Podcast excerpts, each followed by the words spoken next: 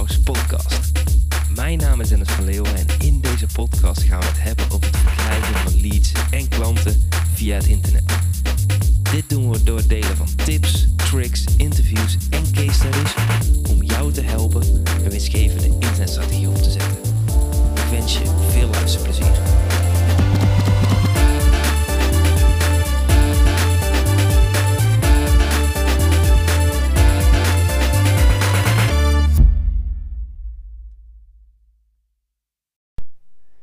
Leuk!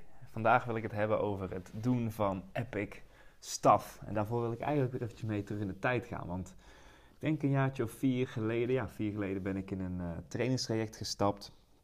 En daarin kregen we eigenlijk uh, vier belangrijke pijlers. De eerste was opschonen. Dus wat kan ik deze, waar kan ik deze maand mee stoppen? De tweede pilaar was opstarten. Dus wat kan ik deze maand beginnen? En de derde uh, derde punt was uh, op schaal. Dus wat kan ik deze maand wat goed werkt meer doen? En de vierde categorie was uh, droomdagen.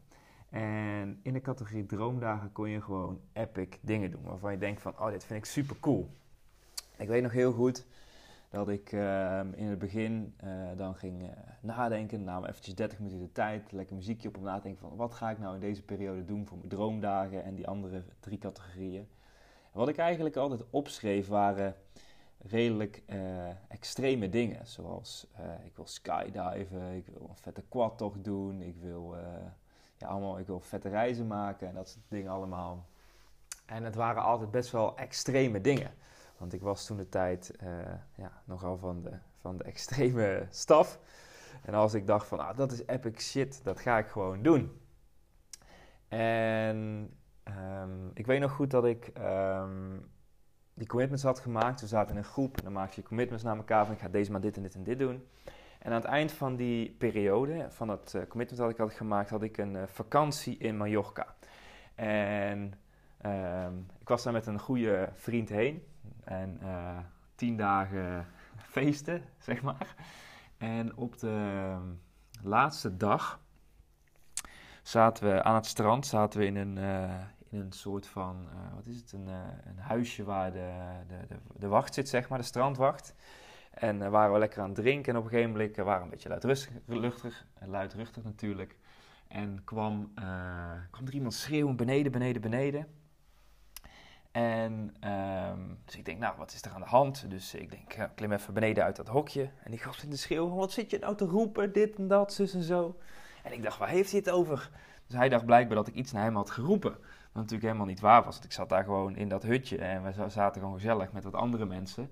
En uh, ik dacht van ja, weet je, eventjes goed praten. Ik denk, er is niks aan de hand. Dus ik draai me weer om en ik wil omhoog klimmen.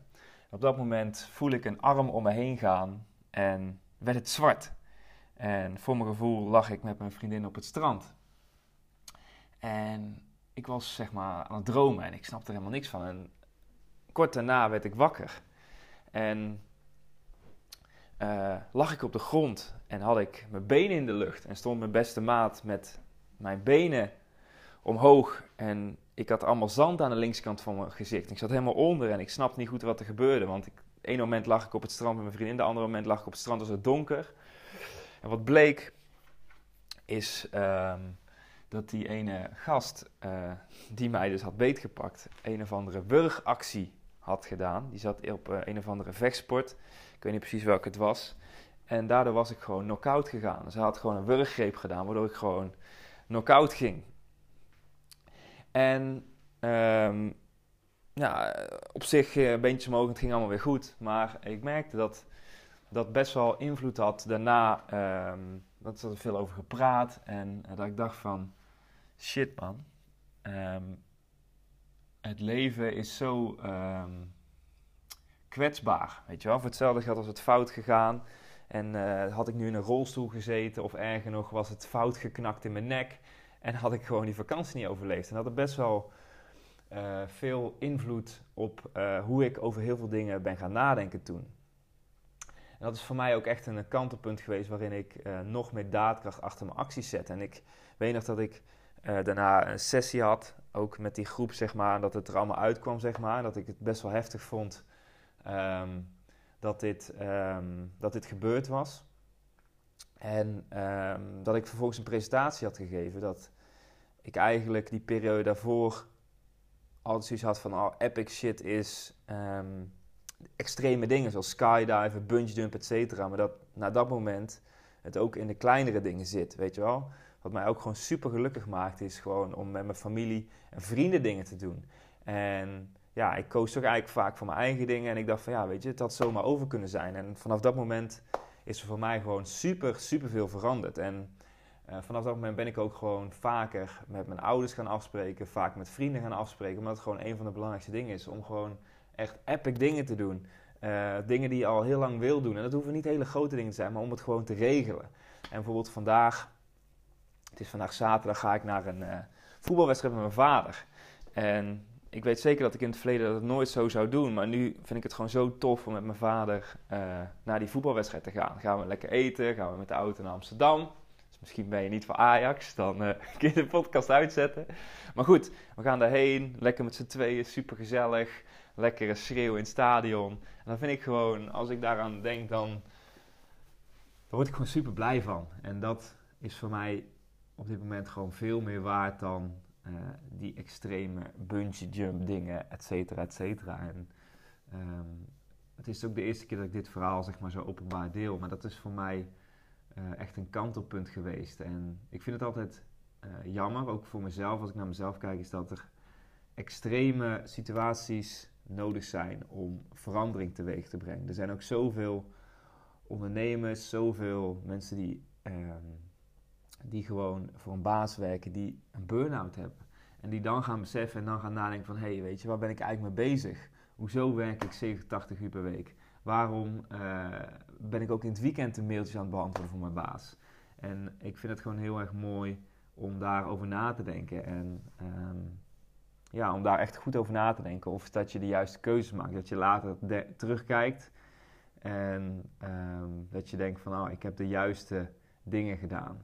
En um, ik heb daar ook een mooi artikel over gelezen. Dat heet Five uh, Regrets of the Dying. Dat is een, iemand, een journalist, die heeft interviews gedaan bij 150 mensen, geloof ik.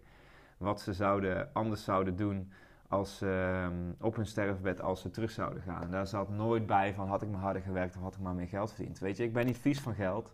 Maar uiteindelijk gaat het om uh, dit soort dingen die ik denk uh, dat heel erg belangrijk zijn om te doen. En daarom ga ik dus ook vandaag uh, met mijn vader naar die voetbalwedstrijd. Om gewoon met z'n tweeën die kant op te gaan. En dat vind ik gewoon echt genieten. En daar kijk ik ook echt naar uit. En dat zijn toch de dingen waarvoor je het doet, weet je. Uiteindelijk um, wil je verschil maken in de werkzaamheden die je doet, in het werk die doet met je bedrijf. Wil je resultaten behalen voor je klanten. Alleen dit zijn ook dingen die, echt, uh, die ik in ieder geval voor mezelf uh, niet uh, aan de kant wil schuiven. Dus die zijn voor mij heel erg belangrijk. Dus um, ik ga mijn dag klaarmaken. En ik heb er in ieder geval heel veel zin in. En hopelijk kun jij vandaag ook iets doen met iemand waar je superveel om geeft. Of contact opnemen met iemand waar je heel lang geen contact mee hebt gehad. Weet je, we zijn allemaal zo druk. We zijn allemaal zo bezig met werken met ambities, et cetera, et cetera, dat dit soort dingen er vaak uh, bij inschieten. Dus uh, als je daarin zoiets hebt van, hey, dit ga ik doen, ik vind het leuk om mij te laten weten, zou ik super tof vinden. Je kunt me altijd een DM'tje sturen op Instagram, instagram.com slash. En dan uh, zien we vanuit daar wel verder. Dus uh, een hele fijne dag en tot de volgende keer. Doei doei!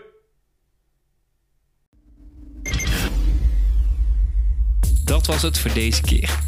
Wil jij meer leads en klanten via het internet? Neem dan eens een kijkje in ons Marketing Powerhouse. Hier hebben deelnemers toegang tot een powerhouse met trainingen en resources om leads en klanten te krijgen via het internet. Ga naar marketingpowerhouse.nl voor meer informatie en om jezelf in te schrijven.